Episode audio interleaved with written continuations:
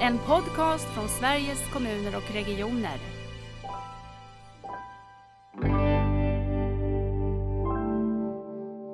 Jag menar, när man väl är i en kris, då måste man ju lösa det här och nu och då blir det lätt att man faller tillbaka och gör som man alltid har gjort.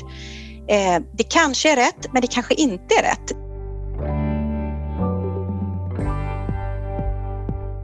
Jag menar, behöver man åka till en sjukhusakut, då ska man ju göra det. Men, men, man, men det finns ju mycket... Ett besök där med inläggning ett dygn eh, ska räcka till ungefär nio eller tio hembesök av en distriktsläkare. Vi får, alltså sånt där är ju också bra att tänka på.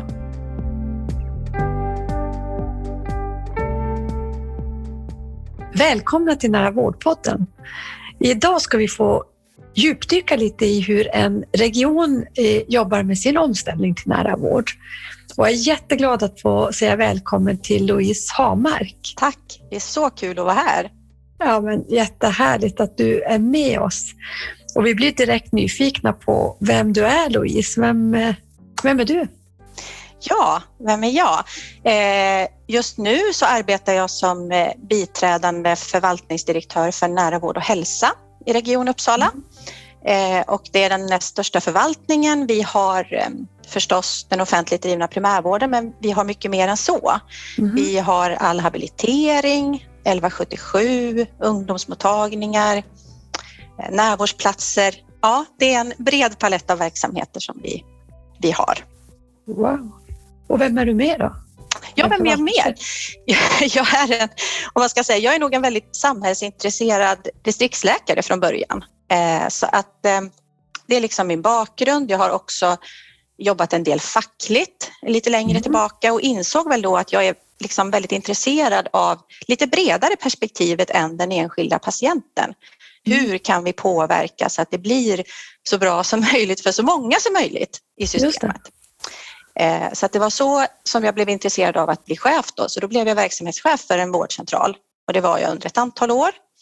Eh, och sen så har jag varit verksamhetsområdeschef. Då har man ansvar för ett antal vårdcentraler men också för andra verksamheter. Jag hade 1177 och ungdomsmottagningar och så. Mm. Eh, och sen har jag haft det här uppdraget ungefär sedan pandemin började, strax innan pandemin. Så det har varit väldigt speciellt. Men, men under under lång tid här då så har jag jobbat mycket med omställningen mot det som vi, vi kallar det för effektiv och nära vård ja, 2030. Då. Mm. I Uppsala. Men hör du, jag blir lite nyfiken när du säger att du har en, en facklig bakgrund. Har du jobbat fackligt på nationell nivå eller har du varit på lokal nivå? Eller? Eh, inte på nationell nivå. Eh, jag var ordförande för Sylf Gävleborg och så satt Jaha. jag i den eh, läkarföreningens styrelse så att jag var ganska länge satt jag då i, det var, vi kallade för division primärvård på den tiden. Då var mm. jag eh, Läkarförbundets då representant i den eh, mm. Samverkansgruppen och så. Så då fick jag ganska tidigt eh, ja, men ta ett ansvar för eh, arbetsmiljö, eh, löner och så vidare för hela distriktsläkargruppen där. Då. Så att det är nog en, en väldigt starkt bidragande orsak faktiskt till att jag blev så intresserad av det här med ledarskap. Ja. Jag känner väldigt väl igen mig eftersom jag också kommer från en facklig bakgrund och tänker att, att få den där vidare perspektivet mm. på hur allt hänger ihop, det får man verkligen i sitt eh, i sitt fackliga uppdrag och det har berikat mig jättemycket. Ja, och jag förstod också tidigt, jag menar vi drar ju åt samma håll. Det är liksom, vi kommer bara med lite olika perspektiv men vi ska jobba tillsammans mot samma mål. Ja. Så att, ehm, mm. Ja, det finns mycket i det där. Jag tycker vilken spännande förvaltning att eh, mm. finnas i. Och jag tänker när jag hör det att det inte är slumpen att det är de här verksamheterna som, som hänger ihop. Närvårdsavdelningar, 1177, habilitering, psykisk ohälsa för barn och unga. Hur, hur länge har den förvaltningen funnits? Eh, det är nog också regionens yngsta förvaltning faktiskt. Alltså ja. den eh, 2018 eh, startades den upp och då var det en sammanslagning mellan då det gamla primärvården eh, och det, den gamla förvaltningen hälsa och habilitering. Mm. Eh, så att den slog samman och blev ju då också i och med det en bredare bas för omställningen faktiskt.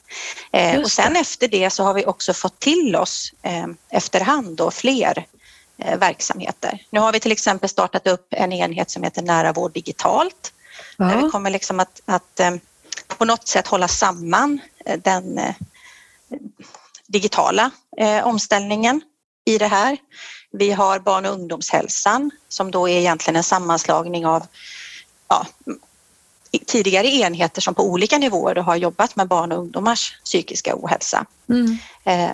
Vi har startat upp KBT på nätet som har blivit en permanent verksamhet. 1177 eh, kom också över till oss efter sammanslagningen. Så det har blivit, vi, har, vi blir eh, större och större och det är väl också en del i, i omställningen. Så att säga. Mm. Mm. Ja, för jag brukar ofta tänka att omställningen handlar ju i första hand inte om att organisera om, Nej.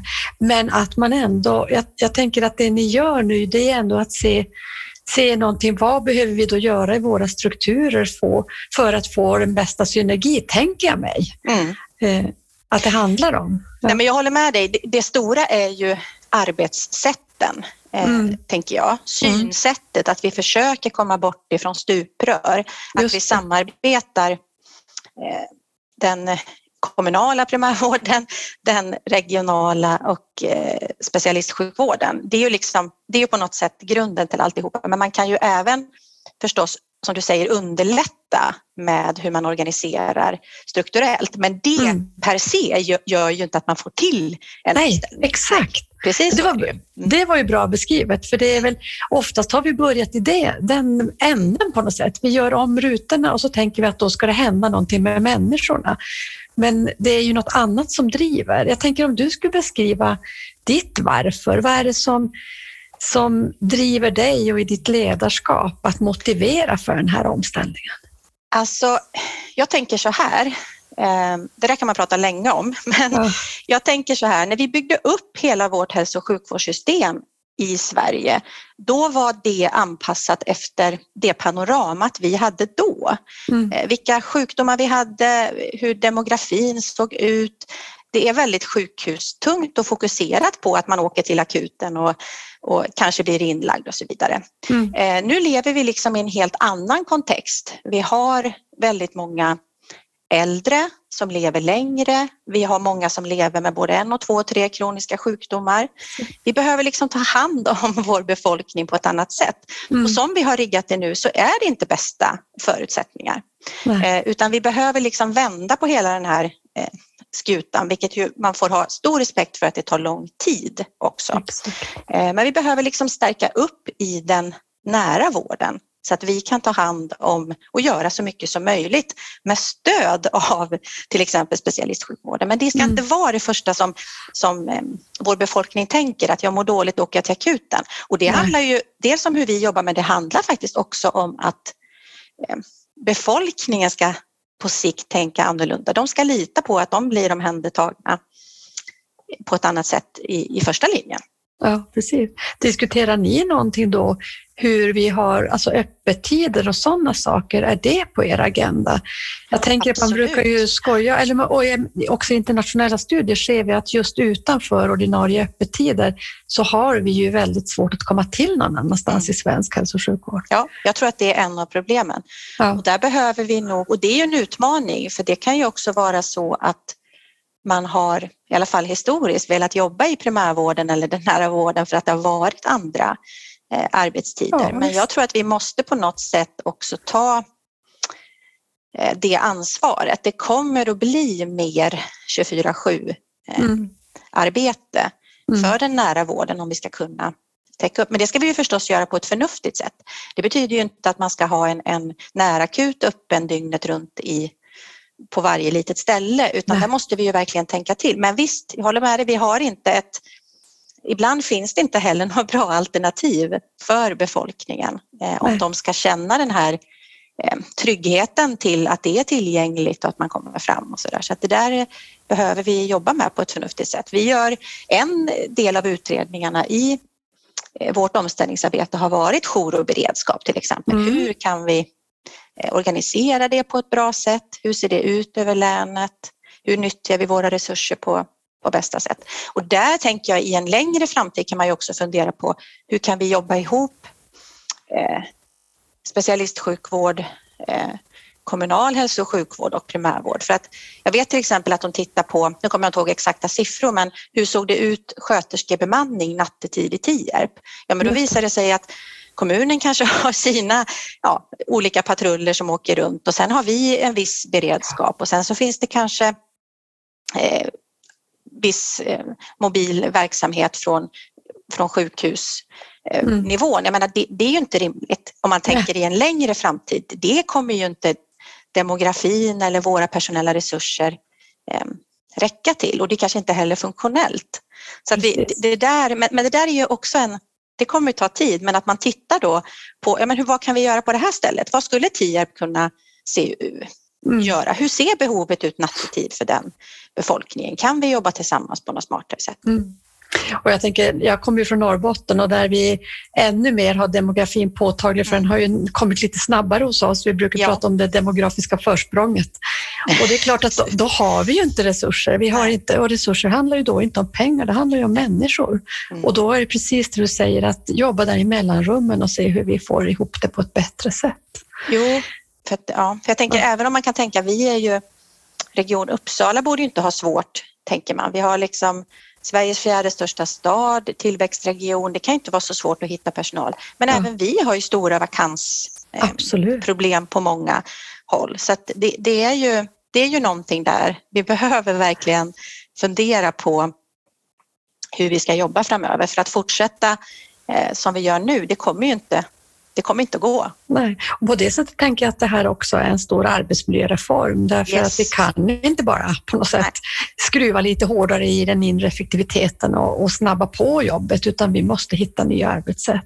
Nej, för, för där tror jag inte det finns mycket mer att göra helt enkelt utan Nej. vi måste ändra arbetssätten. Vi måste få bort stuprören, vi måste jobba smartare tillsammans och inte liksom jobba, för ibland kan det vara så att det tar energi, att man jobbar för att upprätthålla de här stuprören istället för att ja. se hur kan vi jobba smartare tillsammans. Jag tänker så här, vad, i din roll då som mm. förvaltningsdirektörsrollen eller så, vad, vad, ingår i den? På vilket sätt kan du bidra i det här? Jo, men alltså vi har ju lite, alltså på ett sätt är jag involverad i många av de, de stora frågorna förstås, men, men en viss eh, uppdelning och vissa liksom ansvarsområden har jag ju som, som faller på min roll då, bland annat kommunsamverkan. Mm. Eh, så att det är jag som sitter då i det som vi kallar det för HSVO, hälsa, stöd, vård, omsorg, i våra tjänsteledningar då. Och då har vi våra åtta kommuner eh, och regionen och där är vi representerade såklart både från slutenvård och, och vi i primärvården då. Så, att eh, det, så jag är liksom våran nära vård och hälsas då representant i eh, tjänsteledning och då har vi både tjänsteledning och sen har vi politiskt eh, samråd, HSV och samråd. Då. Sen har vi ju sådana på, lokalt då i varje kommun också. Mm. Eh, och då är det ju motsvarande från oss då verksamhetsområdeschef eller så som sitter som representant. Så att, eh, och det har ju varit otroligt spännande under pandemin för där har det hänt mycket. Eh, vi såg ju ganska tidigt att vi kan ju inte träffas eh, några timmar i månaden i tjänsteledningen utan vi har haft en covid HSV som vi kallar det. Ja. Ett tag hade vi två gånger i veckan eller om vi till och med hade tre men vi har fortfarande kvar ett kort möte en gång i veckan för det är så mycket frågor kring provtagning, vaccination, alltså även om alltså, frågorna som kommer nu efter pandemin, eller inte, pandemin är ju inte över, men, men eh, de här frågorna ja, som, som, fortsätter komma som vi behöver liksom samlas kring. Eh, så det tycker jag har varit ett väldigt eh, ja, det har känts väldigt bra att vi hade den här strukturen från början och har man den, mm. apropå struktur som ändå kan hjälpa till, tänker jag. Man har ett, ett inarbetat arbetssätt, man har en struktur och då kan man skruva på det när någonting händer. Ja, men vänta nu, nu behöver vi ses kortare men oftare. Men ja. vi, vi känner redan varandra. Jag tycker det ser man ju både nu i myndigheternas rapporter om när de tittar på vad som händer i nära vårdomställningen och även ifrån den horisont jag har att alla säger ju att på det sättet har pandemin eh, fört med sig en skjuts just kring samverkansfrågorna, också kring andra frågor som digitalisering. Tror du att ni kommer att, att kunna, ni hade nytta av att ni hade det här när pandemin kom. Har ni nytta av pandemin nu i ert fortsatta samverkansarbete? Kommer ni fortsätta ses eh, med någon större frekvens än vad ni gjorde innan pandemin? Eller hur bevarar vi det som varit bra? Mm.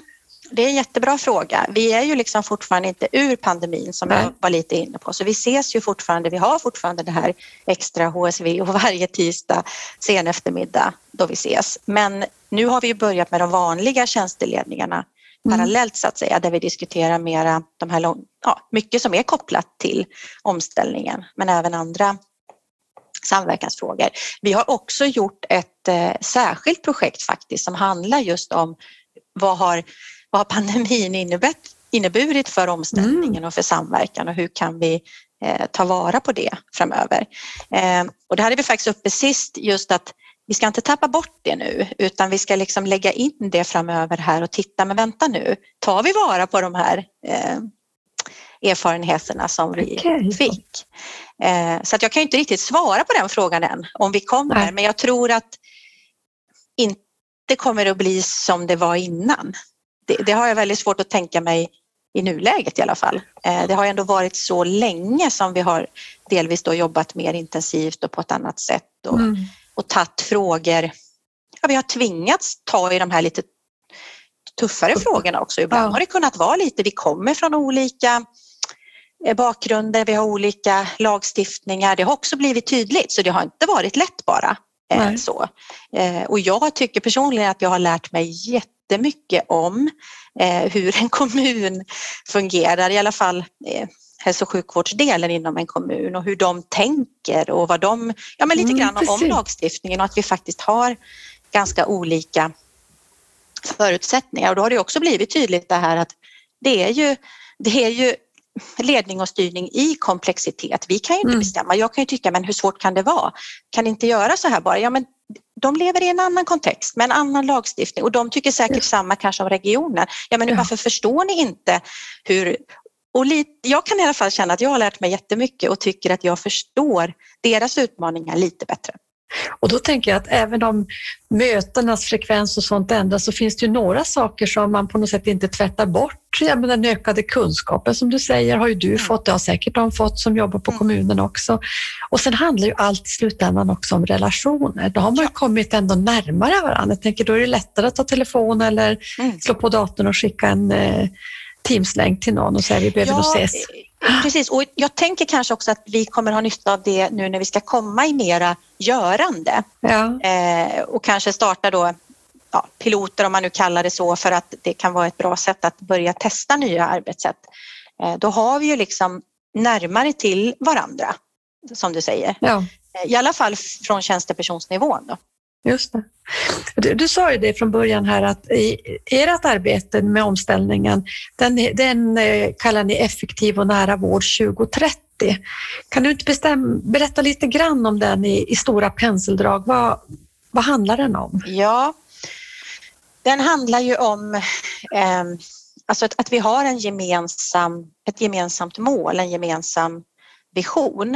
Eh, det är liksom det övergripande. Eh, mm. och, eh, då har vi ju tittat på de här liksom ledorden i det här då. Nära till exempel, vad är det? Ja, Just det. det kan vara att det är tillgängligt, eh, men det kan också vara och det kan vara att det är nära geografiskt, men det kan också vara att det är nära relationellt. Man kanske har en, en vårdgivare som sitter långt borta och man träffas så här digitalt. Mm. Det kan också mm. vara nära. Effektivt handlar ju lite grann om, om det vi har varit inne på att, att Eh, våra invånare, patienter, brukare ska få hjälp på rätt nivå. De problem de har eh, som, som är vanliga i befolkningen, där ska man inte behöva kanske, alltså det, det ska man få hjälp med nära. Just. Kanske i sitt eget hem eller på sin vårdcentral eller på vårdcentrum som jag kan berätta lite mer om sen. Det är liksom tanken eh, med det. Sen så är det ju förstås att det ska vara mer, i det långa loppet, mer förebyggande och hälsofrämjande. Mm. Så att vi ligger lite steget före, att vi tillsammans med patienten kan ja, lära varandra, ge och ta där så att de också kan ta kanske, ha en större kunskap om sin sjukdom, ta ett större ansvar. I det ligger ju det här med till exempel digitalisering i form av kanske hemmonitorering eller de bitarna då. Så det är ju mera det här samskapande så att det är väl nära, eh, effektivt, det vill säga rätt vårdnivå, eh, samskapande och sen så mer hälsofrämjande, förebyggande då på sikt. Mm. Spännande. Mm. Hur, hur tar ni er an det här? Då? Hur, då har ni den här, och jag tycker du beskriver det så otroligt, man känner att du, det här är ju någonting som bär hos dig och jag tycker mm. också när jag träffar många av kollegorna eh, från Uppsala eh, att, att ni har kommit en bit. Och jag, ändå kan jag ana en viss frustration hos dig, mm. att du tänker att du vill komma ännu mer i görandet. Du pratar om att komma i görandet. Ja. Eh, för, det tycker jag nog ändå, om man tittar på pandemin här, så har ja. vi ändå fått bromsa en del av de eh, projekt som vi hade tänkt. Vi har fått gå saktare fram eh, för att vi har liksom inte haft resurser förstås i verksamheten som kan jobba med det här och det har man ju full, full respekt för att det är på det viset. Men så att på det sättet har vi ju kanske fördröjt vissa saker mm. ett år eller två. Eh, mm. Men å andra sidan kanske vi har fått andra saker med oss som kommer att göra att det, när vi väl då nu börjar komma i görande så har vi nytta av pandemin också. Just det. Vad ser du för utmaningar? Jag tänker förutom då pandemin, att, att ta sig an det här när vi nu ska gå från att vi känner att vi vill det här till att det faktiskt också ska hända och vi ska förändra. Ja. Det är varje person som ska förändra sitt ja. arbetssätt. Ändå. Ja, alltså just, det finns ju hur många utmaningar som helst. Dels är det nog faktiskt det att på riktigt komma i görandet. Eh, vi står i startgroparna, vi har börjat lite men det måste också, det handlar också om trovärdighet. Våra medarbetare måste ju se att okej, okay, ja, men nu blev det faktiskt mm. på ett annat sätt. Nu har jag ett bättre samarbete med den kommunala hälso och sjukvården och jag har en annan ingång till till exempel då specialistpsykiatrin eller eh, barnmedicin eller så för att man ska känna också what's in it for, for me på något sätt. Mm. Alltså det, mm. för att det ska bli trovärdigt annars blir det ju pappersprodukter som vi håller på med på tjänstepersonsnivå mm. och det är ju inte meningen. Det, det, är en bra början men sen det måste ju liksom vara det måste ju liksom hänga med hela vägen. Så det tänker jag nog ehm, och där är väl mycket kring att det ska hända saker så att det sprider sig, man ser det här är faktiskt bra. Eh, och också att vi kanske måste kommunicera mer ja. på alla nivåer ehm, med förstås fortsatt med tjänstepersoner och politik men med medarbetare också för att engagera alla varför, i varföret. Och, och där tror jag lite grann återkomma till det. För vi gjorde ganska mycket för några år sedan med att mm. vi var ute och pratade och liksom sådär. Och då tänker man, jaha, då har vi gjort det. Men, men så fungerar det ju inte. Utan det här måste vi göra hela tiden och återkomma till. Mm. Just för att alla ska känna det faktiskt in på bara huden nästan att ja, men det finns ju inget annat vi kan göra om vi ska klara framtidens eh, utmaningar som vi har pratat om. Att man verkligen känner det så att det blir trovärdigt. Så där har vi mycket att, att göra och där tror jag också där har vi mycket att göra att, att förstå det i hela vårdkedjan. Mm. Faktiskt, att, att vi verkligen, för det här är ju inget arbete bara för primärvård och eh, kommunal primärvård, Nej, regional och kommunal primärvård, utan här är ju lika mycket en omställning för eh, våra sjukhus och för specialistsjukvården. Det ska inte vara så här, för det kan jag se en risk att det finns och jag förstår ju, de har jättetufft och det är hög belastning, svårt med kompetensförsörjning och så. Och då kan det ju vara att man uppfattar att, att effektiv och nära vård handlar om att bara trycka ut saker mm. i, på, till primärvård eller kommunal primärvård. Mm. Men det är ju inte det det handlar om. Ja, vi kan göra mer med stöd av er. Det mm. handlar ju om att vi gör det tillsammans, tillsammans. i vårdkedjan och det tror jag vi måste kommunicera och eh, tänka på jättetydligt om det här ska bli bra. Annars kommer det, annars kommer det ju inte funka. För att Nej. bara fortsätta med samma arbetssätt vi har nu, eh, om man nu tänker specifikt på primärvården med ytterligare stora uppdrag, det går ju inte. Nej. Och jag tänker att det är väl också att visa på att just det här när vi gör tillsammans också blir det inte hotande för specialistvården. Nej. De har också sin, de, ja. de, behövs ju med sin kompetens Absolut. och det är heller inte bara att flytta på något sätt arbetsuppgifter mellan olika delar i systemet utan vi gör det på andra sätt tillsammans. Precis och jag, jag är helt övertygad om att har du en bra snabb ingång till, ja men till exempel, låt säga nu då psykiatrin, att du vet att jag kan nå eh, dem via, det kan vara digitalt eller det mm. kan vara, eller vi kan göra sambedömningar, då kan du ju sköta mer på en enskild vårdcentral till exempel. Så det, det, det gynnar ju inte minst patienter men det gynnar ju också arbetsmiljön mm. som vi var inne på tror jag. Det här, är liksom, det här gynnar alla men då gäller det att få alla att förstå det och känna det. Ja. Så att det inte bara det, det här bidrar till att, att det blir ytterligare gränser och stuprör och att man vill, det där kan väl ni göra eller det där kan väl, utan men vi pratar om det och så ser vi, ja, kan vi göra det tillsammans? Hur kan vi göra det på bästa sätt för patienten? Och så tänker jag också att, jag tänkte på, du var inne på det här med med att komma tillbaka till varför, att man ska få chansen att fundera på det som enskild yrkesutövare, medarbetarna och så. Att det gäller att involvera också HR-avdelningar, ja. kommunikationsavdelningar. Jag tänker det handlar om mm. rekrytering, det handlar om kompetensutveckling och, och sådana frågor också. Att, att hela systemet måste som mm. på, vara, vara på bollen. Mm. Och ekonomi. Och ekonomi, inte minst ekonomi, mm. absolut. Jag tänker även om, om eh, du känner dig frustrerad och det finns utmaningar att komma i görandet så, så händer det också mycket hos ja, er tycker jag. Absolut. Och kan inte du berätta lite grann om, om eh, vad som sker just nu mm. i era olika sätt att förändra arbetssätten? Mm. Ja, gärna. Vi står ju nu i startgroparna eller har redan börjat att eh, starta upp våra två första vårdcentrum. Och då blir det ett i Tierp, Älvkarleby och ett i centrala Uppsala. Eh, och möjligen ska jag säga några ord om vad, vad, vad vi lägger in i eh, vårdcentrum.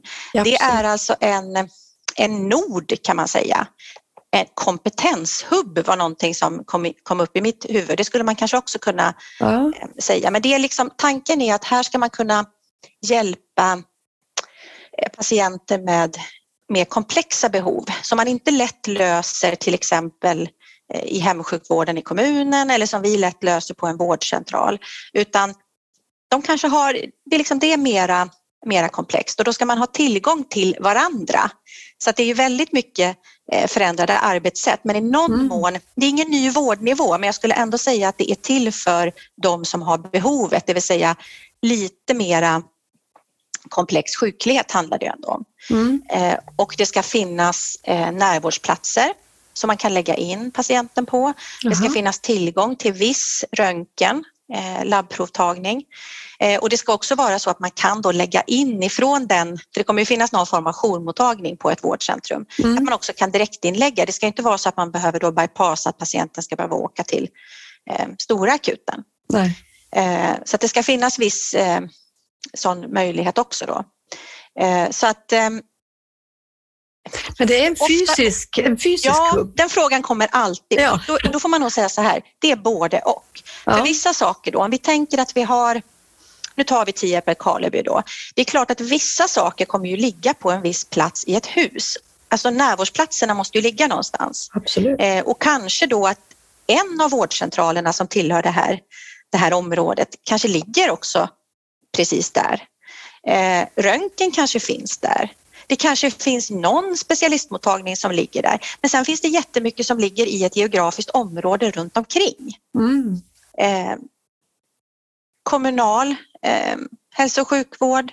Det kanske finns om man nu pratar om psykiatri igen, då kanske det finns på länk eller det finns vissa dagar eller det finns möjlighet att boka in teambedömningar. Så att vissa saker kommer att ligga, det kommer behövas hus, men det är inte så att, att ett vårdcentrum bara är ett hus utan det Nej. är nya samarbetsformer, nya arbetssätt för de med komplexa behov där vi jobbar liksom tillsammans i den här Norden. Mm. Eh, och till, det är också tanken att alla invånare då som är listade på någon av de här vårdcentralerna så att säga, runt omkring tillhör det här vårdcentrumet. Och det är också mm. så att, att de, vad ska man säga, de som jobbar på en viss vårdcentral har ju tillgång till de extra resurserna som vi tillsammans då har på, eh, på det här vårdcentrumet. Det är lite, man, man får liksom fundera både en och två gånger vad det där kan vara. Och sen är det väl så att, ja vad kan det vara? Jag kanske inte svarar på samma sätt om fem år. Nej. Jag hade svarat faktiskt på ett annat sätt redan, eller som man tar några år tillbaka, då hade jag nog varit mer fokuserad på det här huset. Mm. Nu är jag mindre fokuserad på det, för jag tror inte det är mm. det det handlar om bara. Så att det, ja, snacka om spännande utveckling. Ja, där ska vi komma i görandet och där är det redan eh, så att det börjar liksom komma i görandet. Då. Mm. Eh, det var någonting som eh, jag tänkte på när du eh, pratar om det där, men nu får det nog eh, iväg från mitt huvud. Men det här, jo, att var, ni är ändå fjärde största staden i, i Sverige. Jag tänker det finns någonting i ni är stora och då skulle det kunna vara ett hinder, men att ändå på något sätt se göra på något sätt uppdelningen i mindre delar ja. är ju också ett sätt att tänka, tänker jag, när man tänker utveckling mot nära vård. Mm. Och det är precis så vi, vi har tänkt, för då får du kanske en, ja, apropå, du får relationer också mm. mellan de som, som jobbar där. Man mm. känner varandra, man, man hjälps åt, man, ja, och det ligger ju, alltså, man får ju en mer, förhoppningsvis en mer jämlik vård också. Mm. Jag tänker man skulle kunna tänka i ett sånt här, i ett sånt här nod eller en sån här vårdcentrum, man också har det här befolkningsinriktade ansvaret mm. som mm. också nu primärvården har med det ja. nya primärvårdsuppdraget, att då har man ändå en avgränsning. Ja. Det är, också, det är också tanken faktiskt. Mm. Och att man mm. ska kunna jobba mer hälsofrämjande, förebyggande. Vad behöver, för det kan ju se olika ut också i de här olika noderna så att säga. Vad finns det för behov? Så även om man har ett visst vad ska man säga, bas, basutbud ja. som alla behöver så kanske det är så att det, det, ser lite annorlunda ut i centrala Uppsala gentemot då eh, Tierp Älvkarleby till exempel. Just det. Ja, på tal om jämlikhet så det kräver det ju olikhet och att då kunna ja. bryta ner det lite så det blir hanterbart. Annars blir det ju ganska svårt att, att göra om det blir för stort och komplext. Vi har ju komplexa verksamheter redan som de är. Ja, precis. Mm. Och där jobbar vi mycket också förstås och det är ju också bara i sin linda, hur ska vi leda och styra ett vårdcentrum tillsammans ja, med eh, alltså region och kommuner i de här respektive tjänsteledningarna, möjligen något utvidgade tjänsteledningar. Eh, så det är mycket runt omkring det där också. Eh, Men du, vad spännande. Mm. Har ni någon som följer det här? Någon följer forskning eller någon som eh, följer utvecklingen? För det här är ju pionjärarbete mm. som vi måste lära alla av på något sätt. Mm. Ja, vi har lite grann eh, hälsoekonomisk, eh, hälsoekonomiska beräkningar. Eh, men jag skulle inte säga att vi har någon tydlig följeforskning och det, det, tror jag absolut. Jag har börjat liksom fundera på det mm. ganska mycket faktiskt på sistone. Hur kan vi liksom följa det här? Hur kan vi räkna på det? Mm. Hur kan vi se att vi... Det kan också vara ett hjälp och stöd kanske till att, till att ta beslut mer övergripande ja, i hela hälso och sjukvårdssystemet. För det, om vi ska komma in på det så tycker jag kanske att Pandemin har hjälpt oss jättemycket eh, att samverka och vi har ju haft mycket mer samverkan också med specialistsjukvården. Vi har suttit i regional särskild sjukvårdsledning. Vi har löst saker på ett väldigt fint sätt tillsammans. Mm. Och jag kan också se att eh, när det är en kris är det lätt att falla tillbaka i gamla mönster mm. och bli lite mer reaktiv mm. istället för proaktiv och det kan jag mm. nog tycka eh, och som sagt, vi har ju lånat ut ganska mycket personal ifrån primärvårdsnivån till sjukhusen och det är möjligt att det inte fanns någon annan eh, möjlighet i det läget och jag har stor respekt för det. Men man kan också fundera på lång sikt. Det får inte bli en lösning som man bygger in i systemet därför att det kan vara så här att det resulterar ju till exempel i att vi får kanske sämre, alltså befolkningen får sämre telefontillgänglighet på vissa vårdcentraler till exempel. Mm. För man mäktar inte, vi kan inte göra allting samtidigt. Och vad är då, alltså man skulle vilja räkna på det, vad händer då för, för, för den befolkningen i det här området när de inte har en tillgänglig primärvård? Åker de in till akuten? Mm. Är det så att det vi egentligen gör här är Exakt. dåligt för hela systemet, ja. hela vårdkedjan? Så att. Alltså ett lite mera, när vi mäktar efter pandemin här så skulle jag önska att vi liksom tillsammans kan försöka vidga blicken lite grann, vara mer proaktiva, titta över hela hälso och sjukvårdssystemet. Om vi skruvar här, vad händer där? Mm. Eh, jag menar när man väl är i en kris då måste man ju lösa det här och nu och då blir det lätt att man faller tillbaka och gör som man alltid har gjort. Eh, det kanske är rätt, men det kanske inte är rätt. Det kanske Nej. är så att skulle vi stärka upp istället så att alla verkligen kom fram eh, på telefon, då kanske det är, jag vet inte, eller så, eller så är det inte så, men då får vi reda på det i sådana mm. fall. Så att lite mera sådana liksom simuleringsforskning kanske till och med skulle jag tycka var jättespännande för att få en Det är så himla roligt att du säger det. För Ja. Det är precis vad jag har gått och tänkt på faktiskt hela förra veckan. Alltså vem kan simuleringar? För jag tror vi måste simulera systemet. Jag tror För att också också skapa trygghet i ledning och styrning också. Ja. Att ha någon aning om när vi vrider på den ratten, vad händer då Mm. på det stället? Eftersom det är så komplext och, och håller det, det hänger ihop alla delar, men de är inte lätta att se. Det där måste man vi försöka ta, ta Mm. vidare på något sätt, tänker jag. Och det kanske man kan se, det kanske man kan göra något nationellt och Ja. titta på, på olika ställen. Det, det, för jag tror också, alltså hur ska man våga ta de här kanske både politiska och på högsta tjänstepersonsnivå beslut i att förändra sådana här saker mer proaktivt om man inte har eh, stat, liksom data, Nej. statistik, någonting att, att, att luta sig mot. Det är också ganska mycket, det krävs väldigt mycket mod. Ja, och jag menar det är ju så, vi måste ju ha respekt alltid för Ja. både utfallet, vad blir det för våra skattemedel, så Ja. det är ju heller ingen sektor som man kan laborera med hur som helst. Nej, Så det att- är ju inte nej. vilken sektor som helst. Men det finns ju sådär lite grann, till exempel att det är ju jag menar, behöver man åka till en sjukhusakut då ska man ju göra det. Men, men, man, men det finns ju mycket... Ett besök där med inläggning ett dygn eh, ska räcka till ungefär nio eller tio hembesök av Mm. en distriktsläkare. Vi får, alltså sånt där är ju också bra att tänka på. Eh, Verkligen. och, och vi ska inte ha några, varken för, för patienterna men inte heller för arbetsmiljön och faktiskt av hälsoekonomiska orsaker så ska vi ha massa onödiga besök. Nej.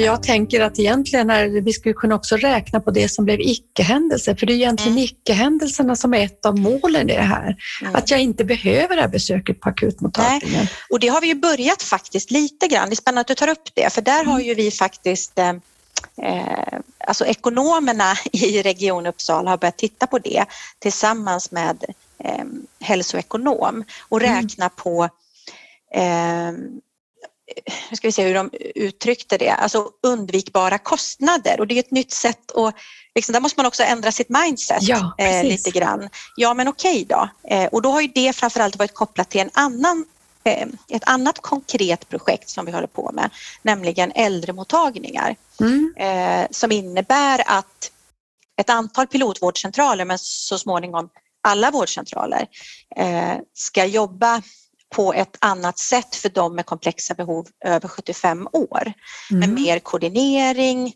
mer ett annat omhändertagande kring eh, den här patientgruppen. Då. Och i, I det projektet så har de här då börjat räkna på, okej då, men vad skulle det kunna innebära? Hur mycket färre besök blir det kanske då eh, på akuten eller så? Så lite grann Ja, har vi börjat nosa, nosa på det. Eh, så det är jättespännande. Ja, du hör ju när du berättar själv vad mycket ni ändå Ja, är på. Det är bra, det är bra, då får jag också det.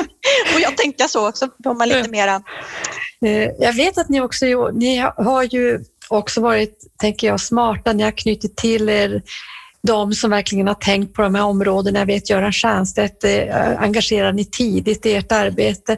Ni har också haft eh, Kerstin Evelius Mm. som eh, har tittat på psykisk hälsa. Så vad gör ni Mm. på, på den fronten? Ja, eh, jo men där gör vi också väldigt mycket konkret faktiskt. Vi har ju startat ett, eh, jag vill bara säga också, vi säger projekt hela tiden men egentligen är ju det, det här är ju omställning av vår kärnverksamhet. Just det. Eh, jag har börjat försöka prata så istället för att det kan Mm. också bli en slags trötthet ute i våra verksamheter. Ha projekt som kommer och går, men det här är ju inte vilka projekt som helst. Jag menar, får vi till hur vi omhändertar till exempel våra äldre på ett bra sätt, då är Ja, ju visst. det, det är ju ett av våra största uppdrag. Så det är ju inget litet projekt vid sidan Nej. om. Nej. Samma sak gäller ju psykisk ohälsa. Eh, och där har vi då, om vi nu ska kalla det projekten då, effektiv och nära psykologisk behandling. Mm. Eh, och då eh, tittar vi på hur vi kan öka tillgången på psykologisk behandling och hur vi kan öka tillgängligheten och sen erbjuda eh, invånarna det de behöver så att säga. Alla behöver ju inte, för en del kanske det räcker med att prata med en eh, sjuksköterska eller få liksom, hjälp till självhjälp och en del behöver jättemycket hjälp så att man ger eh, rätt behandling eh, för rätt person så att säga. Eh, men att det bygger ju ändå på att vi ska vara vi ska, vi ska skapa arbetssätt eh, som gör att vi kan vara tillgängliga. Mm. För det är ju väldigt spännande att se. Det finns ju med samma bemanning så finns det ju vårdcentraler som har i princip ingen väntetid till psykolog eller kurator eller så och sådana som har jättelång. Så det är ju inte bara vilken, det är klart bemanning, man måste ha en grundbemanning för att klara ett uppdrag men sen är det väldigt mycket hur man, vilka arbetssätt man har och det gör ju också att arbetsmiljön blir bra. Det blir ju ett lugn i verksamheten om man ja. vet att patienterna kommer fram. Eh, så det går ju också hand i hand. Så det ja, jobbar vi jättemycket med och det, är ju, det utgår ju väldigt mycket från den nationella mm. eh, plattformen också, hur man ska jobba med det här. Med stegvis vård och så för Precis, stegvis vård för psykisk hälsa. Ja, hälsa. Mm. Ha, vad gör ni på digitaliseringsfronten då? Ja, vi gör jättemycket. Allting ja. eh, hänger ju ihop där. Eh, ja, dels när vi pratar om eh, psykisk hälsa så har vi ju då precis, vi har haft ett projekt som har gått under flera år, KBT på nätet för vuxna. Mm. Eh, och det har vi nu, det har blivit permanent mm. och då har vi lagt det, just nu i alla fall, i den här nya enheten då som vi har startat som heter Nära vård digitalt. Men det erbjuder ju, alltså det vänder ju sig till hela befolkningen så att säga, oavsett var du är listad någonstans. Eh, Ja just det, hur gör ni då? Då, då är det som man har en enhet där man samlar de digitala tjänsterna även om de patienter som kommer finns egentligen listade på sina ja. vård, eller hälsocentraler, vårdcentraler. Ja. Man, kan, man kan se så här att KBT på nätet är en del i den här, det är ett, en del av utbudet i den stegvisa vården för psykisk eh, mm. hälsa som vi pratar om. Eh, så att det går ju liksom på tvärsen egentligen för alla ehm, ja. för alla de här modellerna, eller man ska säga. Ehm, ja, just KBT på nätet för vuxna ligger samlat där. Men den här enheten vi har startat är också tänkt som en språngbräda för att få hjälp med implementeringen av flera andra projekt, bland annat mm. egenmonitorering som vi ja, var inne på. Vi kallar det för PEM, patientens egenmonitorering. Mm. Men det är också det här som kommer nationellt eh, via Inera som är alltid så svårt att komma ihåg vad det heter. Eh, patientens symptombedömning, hänvisning och chatt. Mm. Eh, där vi då ska ha vissa vårdcentraler som blir piloter och då låt, är, våran tanke att vi ska eh, låta nära vård digitalt som enhet eh, finnas för att stötta de här verksamheterna att kunna implementera det på till exempel respektive vårdcentral. Så det, den här enheten nära vård digitalt tänker jag kanske är en enhet som vi inte behöver om tio år. Den ska liksom utrota sig själv. Men just nu har vi inte den mognaden. Eh, vi kan inte bara säga gör så här överallt utan vi behöver ha en enhet som på något sätt kan vara en katalysator som kan samordna, som kan liksom finnas med och som kanske har eh, personer kopplade till sig som jobbar med olika saker under olika perioder. Mm. Som till exempel, nu tror jag att det blir symptombedömning, hänvisning och chatt förmodligen med ett antal piloter till våren. Då behöver vi ju resurser som kan hjälpa respektive vårdcentral till exempel. Ja, Hur kan vi implementera det hos er här på bästa sätt mm. tillsammans med personalen där förstås då. För då tänker jag ju att eh, det är ju det som, för man får ju ofta man får ju ha respekt för att det som är svårt med våra verksamheter är att vi ska just eh, omfattande omställningar samtidigt ja. som vi ska på något sätt göra den vanliga, ja. vanliga verksamheten. Och då mm. tänker jag att det här blir ett sätt att, vad ska jag säga, eh, klustra ihop den här mm. utvecklingskompetensen så att man kan få hjälp i sina verksamheter på ett bra sätt. Mm. Och det tror jag är nödvändigt för att det är precis som du säger att det här får inte bli, det kan ju tillfälligt bli det men det får inte bli känslan att det här är ytterligare någonting som läggs på det de redan gör utan man måste kunna ganska snabbt se i sin verksamhet att ja, men det här hjälper ju oss faktiskt i vårt grunduppdrag, vårt mm. kärnuppdrag. Det här, jag menar, kommer vi till rätta med psykisk ohälsa och de äldre då är vi ju i hamn med ganska mycket. Ja, då måste precis. man ju också få se det att det inte bara blir separata system som läggs vid sidan om till Nej. exempel, utan att det hänger ihop. Nej, precis. Ja, det är så fantastiskt spännande att höra ja, på det, det ni det, jobbar. det är jättekul. Det är, ja, ja, det är faktiskt roligt att höra allt som vi gör. Ja, men verkligen. Det måste vara ett väldigt roligt jobb du har, tycker jag. Ja, Det är Ja. jätteroligt. Vad är dina ledstjärnor? Ja, det förstår jag. Men, men det behöver ju inte vara motsatsförhållande där, Nej. det är roligt och, och behöver inte vara lätt för det. Men vad är dina ledstjärnor i ledarskapet, tänker jag? Vad, vad har du med dig i ditt ledarskap som du tycker är viktigt? Eh, ja, tydlighet, Mm. eh, tillgänglighet. Apropå tillgänglighet och trygghet för patienter, det ska även vara Ja. tillgänglighet och trygghet för medarbetare eller, eller chefer. Eh, men också det här att lägga tillbaka kraften hos medarbetarna eller de chefer som jag är chef över. Att, ja, men Mm. hur skulle du vilja göra? Mm. Ja, men vad står i vägen i så fall? Alltså, eh, det är lite samma teknik som med patienter, att man kan Mm. få mycket till sig. Men kan du lösa det här åt mig? Mm. Då kan man lyssna och sen så kan man lägga tillbaka det. Mm. Och då blir ju de stärkta och det, det är det som jag tycker är allra roligast med att vara chef och ledare.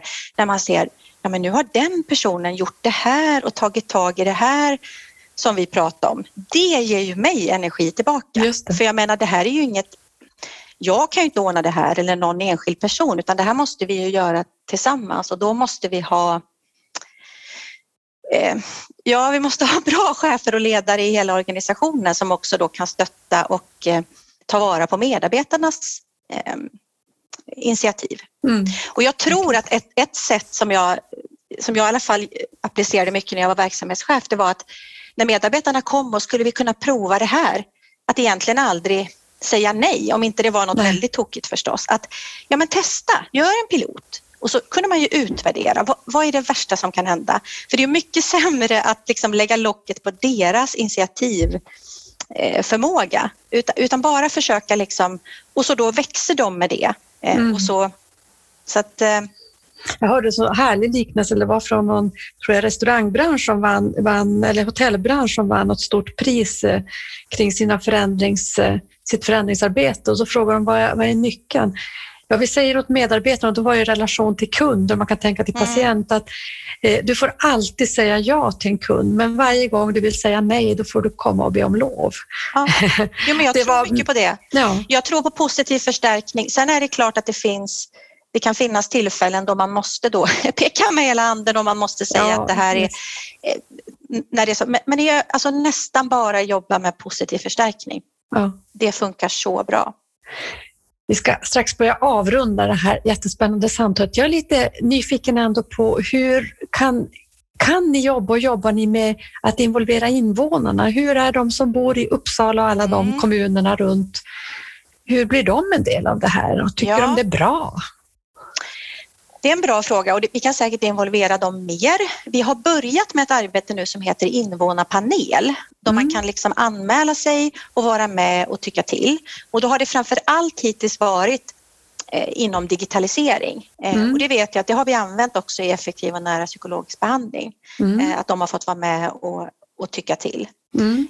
För även där, i det arbetet är det ju digitalisering. Vi kommer att ha vissa formulär, vi har vissa saker där som är, är digitala.